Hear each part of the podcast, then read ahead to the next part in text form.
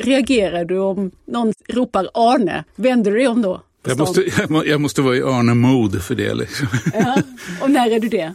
Ja, när man är liksom ute på författarsamtal och turnéer eller signeringar. Sånt där, då är jag ju Arne. Så på bokmässan, om någon Om någon säger Arne till mig så ja, då, då reagerar jag tror jag. Ja. Pocketpodden. En podd för dig som älskar pocket.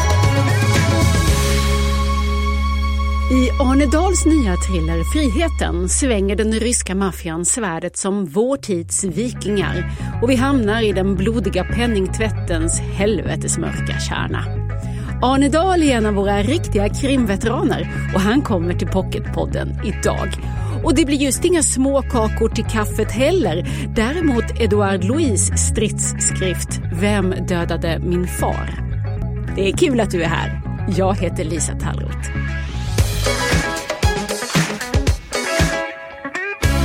Välkommen hit! Tackar så mycket. Jan Arnald som du ju heter egentligen.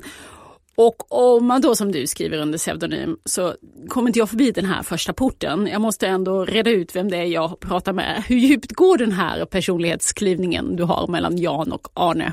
Nej, men den går faktiskt inte särskilt djupt. Det är, det är inte så att jag tar på mig ett, en mask eller någonting och lustig hatt för att bli Arne Dahl eller solglasögon, utan, utan jag är mig själv. Men det blev ett ganska bra varumärke. I början tyckte jag att det var lite klantigt att kalla sig Arne eftersom det låter som en lite äldre man. Men nu stämmer det bra. Och heter Arne. och du har växt in i namnet? Tänker du? Ja, jag tycker, det, jag tycker det, blev, det blev rätt bra. Fyra bokstäver i varje, lite snärtigt sådär. Eh, jo, funkar bra. Men sen är det ju en faktor till och det är ju att både Arne Dahl och Jan Arnald är ju författare. Mm, mm. Även om Dahl nu har skrivit betydligt fler böcker än Arnald. Ja. Så vad skulle du säga är skillnaden mellan Jan och Arnes författarskap? Läsare. Ehm, det kom från hjärtat. Fast så illa är det inte. Nej, Jan alltså Jan Arnald, ja, jo, då, mm. jag, var, jag var och är väl fortfarande relativt eh, liksom, respekterad som författare. Men jag, jag kommer ju från, ska vi kalla det finlitteraturen eller någonting i den stilen. Alltså det, det är ju min, min, mina rötter. Och du är disputerad litteraturvetare, ja, det också, till. Även om det var som sagt ganska länge sedan. Så eh, var det där jag började. Liksom. Jag började med en, väldigt hög ribba. Sen sänkte jag ribban lite. Men hoppade lika högt. Men som Jan Arnald i ditt eget namn har du ju skrivit en hel del eh, både romaner och en eh, fin biografi över Maria Wine och Artur mm. Lundqvist till exempel. Men nu var det ett tag sedan. Ja, tidigare har det varit självklart eh, sådär av och till att det har pockat på att bli skrivet någonting som faktiskt inte ryms i kriminalgenren. Det har inte gjort det riktigt nu på sistone. Egentligen hade jag nog tänkt att, att när jag liksom egentligen blir lite för gammal för att skriva hårda actionscener. Um, kan man bli för gammal för det? Jag vet inte. Det känns lite konstigt om man har rullator och skriver en hård actionscen. det får stå för dig. Jag räknar att jag ligger minst 20 år in i framtiden. Ja. Men eh, alltså det, det, finns en logik i att det går mot något lite mer avklarnat efterhand. Men just nu är jag mitt i och känner att jag håller på att utforska deckargenren eller vad vi nu ska kalla det här, spänning kanske, spänningsgenren och har hittat till en bra plats och kan skriva väldigt spännande böcker.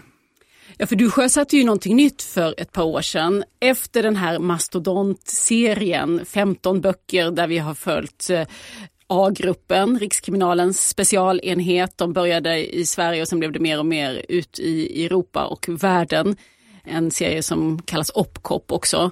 Men 15 böcker totalt om ungefär samma människor och lite samma mm. liknande mm. perspektiv. Så efter det så har du nu då sjösatt en ny serie som är den vi ska prata om idag och den alldeles, alldeles sprillans nya fjärde delen, Friheten, som finns ute precis nu. Och där om jag förstått saken rätt så satsar du mycket på att göra motsatsen till vad du har gjort innan. Du vill göra något helt annat. Förklara, vad är det då du har satsat på här? Ja, på något sätt så kom jag in i deckarskrivandet i en tradition. Eh, och det var polisromantraditionen som fanns liksom från Sjöwall Wahlöö, Henning Mankell. Politiskt lite samhällskritisk och sen så ägnade jag mig åt att variera den här traditionen lite grann i, i samband med A-gruppen och gjorde den till en lite mer kollektivt berättande. Så. Men någonting, när man skriver kollektiva berättelser så blir det ändå någonting som går förlorat och det är den individuella psykologin.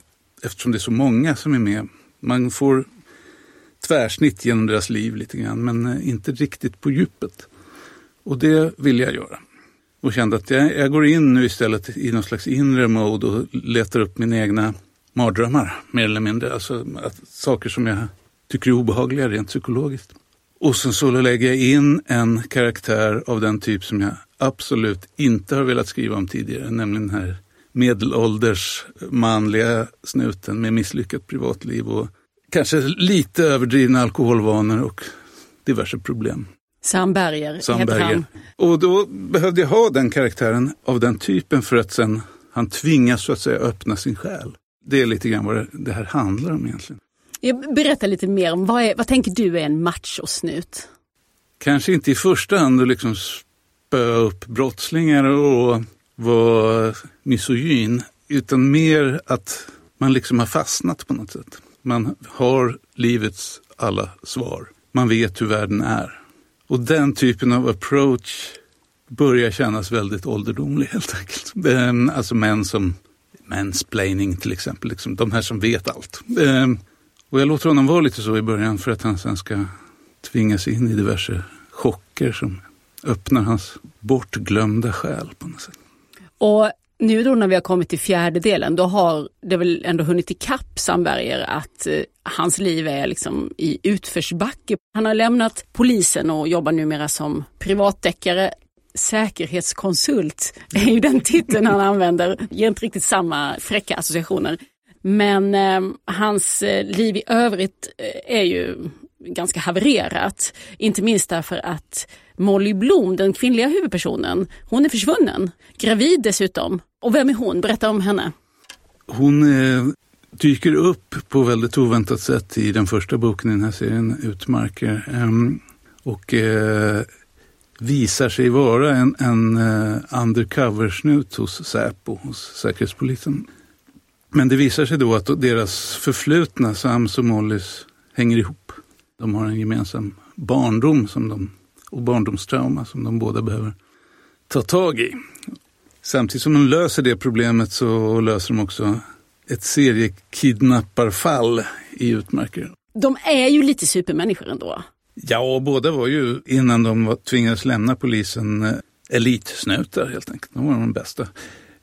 Der då, Desiree, hon är kvar inom polisen så hon är liksom den förbindelse de har. Och de har ju någon slags konstigt manage à trois, Ja. de här tre. Så att eh, Der är liksom markkontakten och kontakten med civilisationen på något sätt. Men det här du sa om att du faktiskt eh, tagit dig an en av spänningsgenrens klyschor, eh, machosnuten. Har det varit en utmaning för dig, de här böckerna, att få till supersnutar som ändå håller ihop, som blir realistiska? Ja, eh, på ett sätt, ja absolut. Eh, ingen av dem är ju direkt lycklig, det skulle jag kanske inte säga. Men eh, de håller ihop. Det finns ju en kontinuitet också. Eh, det har ju alltid varit viktigt för mig att de här poliserna som löser komplicerade fall, alltså de mest komplicerade fallen, också är människor. Liksom. Också är, det var samma med Paul Hjelm och Kerstin Holm tidigare, då, det som var ett tidigare sånt där deckarpar som jag hade då under A-gruppstiden. Men här så skulle det vara något lite mer, de är lite mer disharmoniska på något sätt. Det är lite mer, de, är också lite mindre pålitliga som karaktärer. Man vet inte riktigt vad man har Molly, som ju är undercover och skådespelare liksom, som alltid spelar roller på olika sätt. Och Berger fightas med sin egen, sitt eget livshaveri på något sätt. Mm. Och samtidigt så måste de lösa väldigt komplicerade fall och, och sättas på enorma prov. För det gör de ju verkligen i frihet. Ja, och det som händer här i början av boken, det är ju att Sam Han är i så risigt skick att kompisen Desiree får honom att träffa en terapeut som är specialiserad på just poliser och sexualoffer, visade sig. Och det är också genom den här psykologen som Sam blir indragen i ett kidnappningsdrama där han i en kamp mot klockan försöker hitta Nadja som är före detta trafficking-offer. Och spåren efter henne leder snabbt till den ryska maffian. Mm, precis. En tidig, tidig version av, av ryska maffian som har genomgått olika former av transformationer i Sverige. Där man har kunnat tvätta så pass mycket pengar att man har tagit sig in i finansvärlden. Så därför så var det intressant. Eh, min allra första bok, eh, Misterioso en gång i tiden, alltså Arne Dahls allra första bok. Den handlade just om den här första generationens ryska maffian. Det var 90-talet. Och då såg det ju annorlunda ut. Så när det hade precis börjat komma in, muren hade fallit och Sverige gick med i EU och, och hela världen kom närmare på något sätt. Och därför var det intressant att se på något sätt vad har hänt med de här svarta pengarna som kom in i Sverige då och, som, och sen har liksom tagit plats och tvättats så att de har blivit skenbart vita. Så att det är väl lite grann av, av det tunga våldet som ligger bakom vissa delar av finansvärlden som jag pratar om här. Ja, tungt våld minst sagt. Satan vad de är otäcka, de här mafiososarna. Mm, jag tyckte jag fick till en ganska bra otäcking. Ja, han dyker ju upp ganska tidigt i boken, den här maffiabossen. Vitenka. Vitenka. Eh, jag skulle vilja be dig läsa några rader från kapitlet där vi först får träffa honom. Vi tänker blicka ner på vattnet från sin höga utsiktspunkt. Precis så här måste det ha sett ut under landnama-tiden när de starka och självständiga vikingarna anlände till den öde ön och tog för sig av landet. Precis som vi när muren föll. Inget kunde hålla oss tillbaka. Vi sökte friheten, den riktiga, gränslösa friheten. Inga begränsningar gällde oss. Ingen politisk eller polisiär makt kom åt oss. Vi är nutidens vikingar. Landnamatid. Ja, jag tror att det var precis så det var för den generationen. Kommunismen hade fallit. Det som uppenbarade sig för de kriminella var en sorts absolut frihet. Och det de såg av demokratin var ju businessvärlden så att säga som kom in i, i Ryssland och i, i hela östblocket och liksom skulle ta för sig så mycket som möjligt av, av det. Och de gjorde samma sak, de drog till väst och, och tog för sig frimodigt. Det där begreppet landnärma tid, det var jag ju tvungen att googla men det förstod jag är, hänvisar till den tid då norrmännen kolonialiserade Island. Ja, den här eh, ryska maffiabossen Vitenko har ju fått eh, för sig att han, han, han är fixerad vid vikingar och, och hur de liksom tog ett ödeland, ja Island, och skapade sina egna lagar. Liksom. Och det var de också. Nu blev det så lustigt för att jag hade Anders Delamotte här i förra veckan. Mm. Han var så glad att han hade fått den här nya boken och så pratade han så varmt om dig och sa att du är ju, Arne Dahl är ju mästare i genren slow crime. Han visar verkligen att man kan skriva bra utan att man behöver såga av armar och ben. Ja. och döm om min förvåning när jag börjar läsa Friheten. Jag kommer inte mer än till sidan 17 så flyger kroppsdelarna. Alltså det där är ju alltid, jag har aldrig skrivit en våldsscen som inte behövs, så kan man väl säga. Så när, när boken eh, handlar om väldigt, väldigt, väldigt grova kränkningar på något sätt så behövs det också ganska grovt våld för att man ska känna det ordentligt. Tyvärr så är det så och jag, jag bestämde ganska tidigt ändå att jag måste om jag behöver ta ut svängarna ordentligt någonstans så kommer jag göra det. Och i det här fallet så blir det, det är ju, det är ju otäcka scener och en otäck människa. Eh, och han behövde vara så otäck. För att den här storyn skulle få det, det liksom grepp som jag behövde. Det handlar väldigt mycket om egentligen att komma undan den här figuren. Mm. Um, jag tänkte innan jag började skriva den här boken att jag ska, jag ska jobba med en annan slags hotkänsla. Att någonting är på väg och, och, är på jakt efter oss som försöker få någon form av upprättelse, så kan man väl ändå säga. Men det blev aldrig tillräckligt mörkt det där hotet. Jag skrev faktiskt om ett par gånger för att känna att det här, vi måste känna det här på riktigt in i märg och ben. Det här är ett riktigt hot. Och det blev vagt och diffust hotet så att jag, jag, jag känner jag måste nog ta det här jäkla steget ändå. Själv har jag svårt för deckare där, man, där det liksom är sadistiskt våld. Så där, eh, för att det ofta tar uppmärksamheten från storyn eller från karaktärerna. Men, men här var det viktigt att försöka integrera det här riktigt, riktigt obehagliga med en spännande historia där man ändå hyser hopp under en viss period och, och, och det blir spänning från, på så många olika nivåer på något sätt. Det är som om vi liksom skrapar bort ytan från den organiserade brottsligheten och ser in i den mörka kärnan på något sätt. Du eh, har ju läst på mycket om maffiaorganisationer förstår jag genom alla dessa år där de har dykt upp lite då och då. Men, och just den här ryska maffian då som finns i Sverige, hur har researchen sett ut kring det? Håller de på så här? Ja, nej, eh, eh, det, det handlar väldigt mycket för de här organisationerna att inte synas. Man gör uppvisningsgrejer för att hota andra på något sätt, men det ska ju inte synas i offentligheten. Men pengatvätt är ju ruttna pengar. Liksom. Det är det största brott vi har just nu i världen. Liksom, är ju att få svarta pengar att bli vita. Och de svarta pengarna är svarta för att de är liksom bloddrypande. Det är våld, det är vapen, det är prostitution, det är slavhandel, det är alla typer av brott mot mänskligheten i stort sett. Um, har du några försänkningar i den ryska maffian så kan du berätta det nu. det är ett alldeles utmärkt tillfälle att berätta om det. Ja. ja um, nej, in, nej, inte i sig. Men däremot har jag ju läst väldigt mycket om det och, och försökt att förstå, inte minst den här övergången från den svarta ekonomin till den gråa ekonomin och sen steget in i den vita, liksom, hur det går till. Men i, bakom alltihop döljer sig rått och brutalt våld liksom, mot oskyldiga människor. Det brukar ju också sägas av eh, spänningsförfattare att man kan liksom dra på med otäckheterna för det kommer ju ändå att lösa sig på slutet.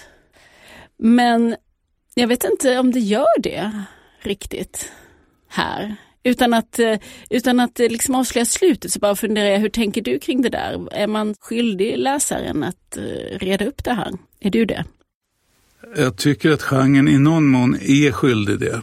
Um, vi ska ner i kaos, men det kommer att komma en ordning på slutet. Vi kommer att förstå saker som vi inte har förstått. Vi måste ner i helvetet för att kunna komma upp på andra sidan. På något sätt så är det så det den här genren gör. Det, det är ju det är kampen mellan civilisation och barbari på ett sätt. Alltså civilisationen ska segra trots allt. Alltså som den grekiska tragedin som handlar om, om det i ganska hög grad. Och det, det här blev en tragedi. Och då var det svårt att få till den där att förvandla tragedin till en, en happy end på slutet. Eh, jag var på väg mot en happy end och kände att det är någonting som inte stämmer med, med den tragiska känslan i den här boken. Så jag måste ha ett tragiskt slut också. Ja, men jag tänker att om man som läsare har tillbringat 300-400 sidor med att titta in i något slags helvete och kanske dessutom konfronterats med sina mörkaste sidor så får man sen liksom, ja, man får en hallonklubba på slutet. Mm. Jag tycker sällan att det där lyckliga, så kallade lyckliga slutet väger upp. Precis, jag tycker ofta att, att eh, jag, har, jag har själv genom åren haft en böjelse för lyckliga slut. Alltså att, att eh, åh, äntligen, man kan pusta ut på slutet efter en kraftfull läsupplevelse. Liksom att nu, nu är det ändå skönt om det kommer in och silar in lite, några små ljusstrålar här på slutet. Um, men jag tycker inte att det är, är riktigt schysst heller, för att det blir, kan bli lite artificiellt helt enkelt, uh, som du säger. Det man är skyldig läsaren på något sätt är ju att, att förklara, att det ska komma in rationalitet det är ju vad det här handlar om lite grann, om att det rationella ska ändå besegra det irrationella. Skräcken ska bli förklarad. Det är man skyldig. Um, man är inte skyldig ett happy ending. Um, och det, var, det fanns en logik i den här boken, alltså den blev djupare tragedi än jag hade tänkt från början egentligen. Jag, jag tänkte mer att det skulle bli ett, ett kidnappningsfall som inte riktigt var som det såg ut. Så kan man säga i alla fall. Men sen insåg jag att det här är ju det är nästan djävulen vi möter på något sätt. Då blev allting tajtare och fick den här känslan av att det här är en, nu skriver jag på en modern, ja, tragedi. Jag vet ju att du sitter och skriver på del fem nu, så du får väl klura på hur just du kan göra det på slutet. Friheten har ju precis kommit nu i nyutgåva. När pocketen sen kommer så kan du sätta det som en blurp jag är inte skyldig dig något happy ending. Som en liten varningstext. ja, nu tycker jag ja. väl inte att vi ska säga så. Nej, men eh, det, ja, absolut. Det är en riktigt rejäl cliffhanger. Det kan, det kan vi i alla fall säga, ja, som friheten slutar med. Och det finns ju också, vill jag säga, de andra böckerna vi har pratat om, utmärker Mittvatten och Inland om man verkligen vill lära känna Sam Berger och eh, Molly Blom från början. De tre finns ju som pocket och sen har vi den här nyheten nu då, friheten. Men du du, um, den här berättelsen som vi befinner oss i nu, som vi verkligen inte vet om det blir happy ending eller hur det ska sluta, den här våren med en eh, coronaepidemi. Hur hanterar du den? Ja, alltså själva författartillvaron, i alla fall för en författare som jag, är, är ju ständig pendling mellan att lyckas gå från extrema till, ett extremt tillstånd till ett annat. Alltså att vara väldigt introvert för att att skriva en bok är ändå en ganska stor process. Liksom. Man måste vara ensam och man måste ner i sig själv. Och å andra sidan den här motsatta extrempunkten, eh, den extroverta verksamheten när man är ute och signerar böcker och pratar med läsare och sitter på scenen. Det där avbröts mitt i, så att jag var ju mitt inne i en tysk turné när Tyskland stängde och, man fick flyga hem. Så jag kastades tillbaks, då, hela min liksom, själ var öppnad för att vara någonting helt annat ute och offentlig person på något sätt. Och sen drogs man tillbaks och så hamnade man i den introverta grottan igen. Lite oförhappande, så det, den har varit lite svår att du var i Arne dahl jag var, Arne, jag var Arne Dahl just då, ja. Exakt. och nu behövde liksom Jan Arnald igen komma in och styra upp ja, tillvaron. Ja, precis. Och, han var lite yrvaken så det tog lite tid. Ja. Men apropå eh, om man intresserar sig för rädslor och mardrömmar och skräck så, så har man ju något att bita i nu. Är det intressant eller inspirerande ur det perspektivet tycker du? Ja, det var väl eh, Netflix, den här listan över vilka filmer som är mest sedda just nu. Och det är flera sådana här sjukdomsfilmer som ligger väldigt högt. Så uppenbarligen så behöver vi liksom någon slags, vi behöver kasta oss in i, i det mörker som vi befinner oss i på något sätt och, och få någon slags lösning på det här också. Så att ja, alltså det kommer naturligtvis att skrivas hundratals coronathrillers så småningom av olika slag. Det är jag helt övertygad om. Av de av oss som fortfarande lever. Men om Arne Dahl kommer göra det, det vet vi inte än. Nej, jag, jag, har aldrig riktigt lockats av just det. Men jag skrev faktiskt en novell precis när det här började. Eh, det var också till en tysk antologi som jag skulle vara med i och då, då la jag in en sjukdom i den. Som spred sig? Jag, som spred sig. så att den, den, jag har redan varit där. Men söker du dig till andra böcker eller filmer eller någon nu? Nej, inte någon större skillnad. Jag tror att jag läser mer faktiskt. För att det är när man verkligen går in i en bok så känner man vilken enorm skillnad det ändå är. Eh, och hur liten del av ens vara, ens existens liksom, som aktiveras av att titta på en film eller en tv-serie jämfört med att faktiskt gå in i en bok där man skapar hela den här världen själv. Jag gled ut ur det där, liksom, att jag tittade lite mer på tv-serier förut. Mm.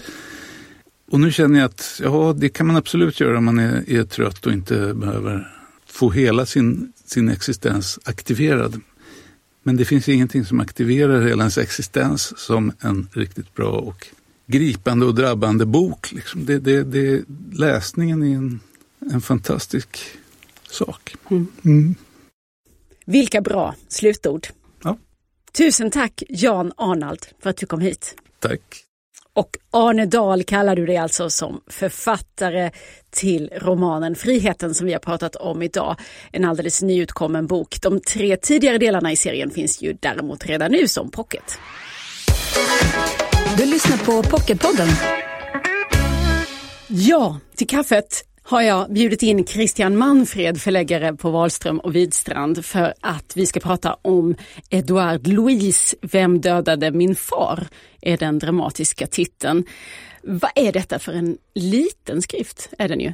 tunn. Detta är en tunn bok, ja, men den verkar väldigt mycket. Det är Edouard Louis tredje bok och Edouard Louis skriver självbiografiskt eh, i samtliga sina hittillsvarande böcker. Och det här är ju en politisk skrift samtidigt som det är en personlig privat berättelse, självbiografisk berättelse. Det är en uppgörelse med den franska staten, det franska systemet, det franska samhället. Det är en anklagelseakt. Om man har läst Edvard Louis första och mest kända bok eh, Göra sig kvitt i det Belgien så känner man ju till att han har en uppväxt i norra Frankrike, väldigt påvra förhållanden, eh, underklass kan man säga och ett väldigt sårigt förhållande till sin far. Så i den här boken när han återser sin far för första gången på rätt så länge så, så står fadern knappt att känna igen. Varken fysiskt eller psykiskt. Det är en, en stukad, nedbruten man som knappt ens har fyllt 50. Som är sjukpensionär motvilligt och som lever på samhällets botten kan man säga.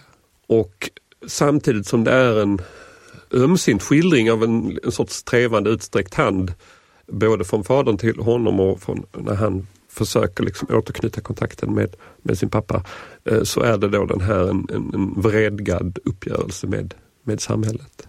Han namnger politiker till exempel eller andra makthavare i systemet eh, och pekar på hur de så att säga ja, tar från de fattiga och ger till de rika. Mm. Och det är väl de 20 senaste årens franska regeringar och presidenter som, som är, han pekar ut som skyldiga till den här nedmonteringen. Absolut, av, absolut. och han har inte mycket till övers. Han hade inte det ens för Hollande tidigare, men har det definitivt inte för Macron nu.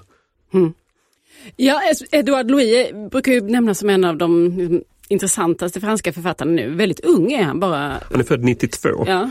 Uh, absolut, han är ju han är superstor i Frankrike men han är ju stor internationellt också. Han finns översatt till, tror jag, 30 språk. En annan fransk författare som man kan nämna i sammanhanget är Annie Ernaux som är aktuell nu även på svenska. Eh, och han är absolut besläktad med henne och hon har också skrivit om sina föräldrar och ur ett klassperspektiv. Och det är det han gör och det fina, eller en av styrkorna med Edouards Edwards böcker tycker jag är hur han kombinerar, han är ju nämligen sociolog. Så samtidigt som han är skönlitterär författare är han sociolog och har sociologens glasögon på saker och ting. Och sen har han då eh, mycket nära till sin egna personliga berättelse som man kan använda sig av för att belysa saker i samhället. Så det är det han gör så himla verkningsfullt på ja, 90 sidor eller vad den, den här ja, tunna boken, den, den är ju, nästan. Den är ju tunn, den här lilla pocketen, Vem dödade min far? Och eh, vad tänker du om den här kategorin texter? Vad, vem hittar till dem? Alltså den här är ju inte, den är ju tung att läsa i sitt allvar för all del, men den är ju också ömsint och den är nära och den är lätt att ta till sig ändå skulle jag vilja säga. Så det är absolut inget svårläst ju. Har du det minsta samhällsintresse utav någon art så, och oavsett bakgrund och oavsett sammanhang så, så får du jättemycket utav att läsa den här. Som jag sa, det här med sociologin i kombination med den personliga berättelsen. Då gör det någonting väldigt, väldigt starkt. Mm. Ja, är man minst intresserad av komplicerade far och son-relationer så har man ju verkligen någonting att, att hämta här för eh, om han var väldigt arg inledningsvis på sin far så ser han andra sidor Absolut. Nu. Det finns en jättefin scen i den här boken. Jag tror han ska fylla åtta år och han var ju en väldigt udda fågel som barn i den här lilla hålan kan man säga i det som kallas för Picardie i norra Frankrike. Och det var väldigt homofob och machomiljö. Och han var ju inte någon som lekte med bilar utan han dansade och sjöng och Eh, han önskade sig mest av allt när han skulle fylla åtta filmen Titanic. Och då fick han den i någon sorts fin samlarbox av sin pappa. Ett, ett exempel på en scen där, eh, som han minns tillbaka på, att där det faktiskt fanns värme fast på ett liksom trubbigt sätt. Mm. Vem dödade min far är titeln i översättning av Marianne Tuvesson. Det är Edouard Louis som har skrivit den här. Tusen tack Christian Manfred, förläggare på Wahlström och Wisstrand.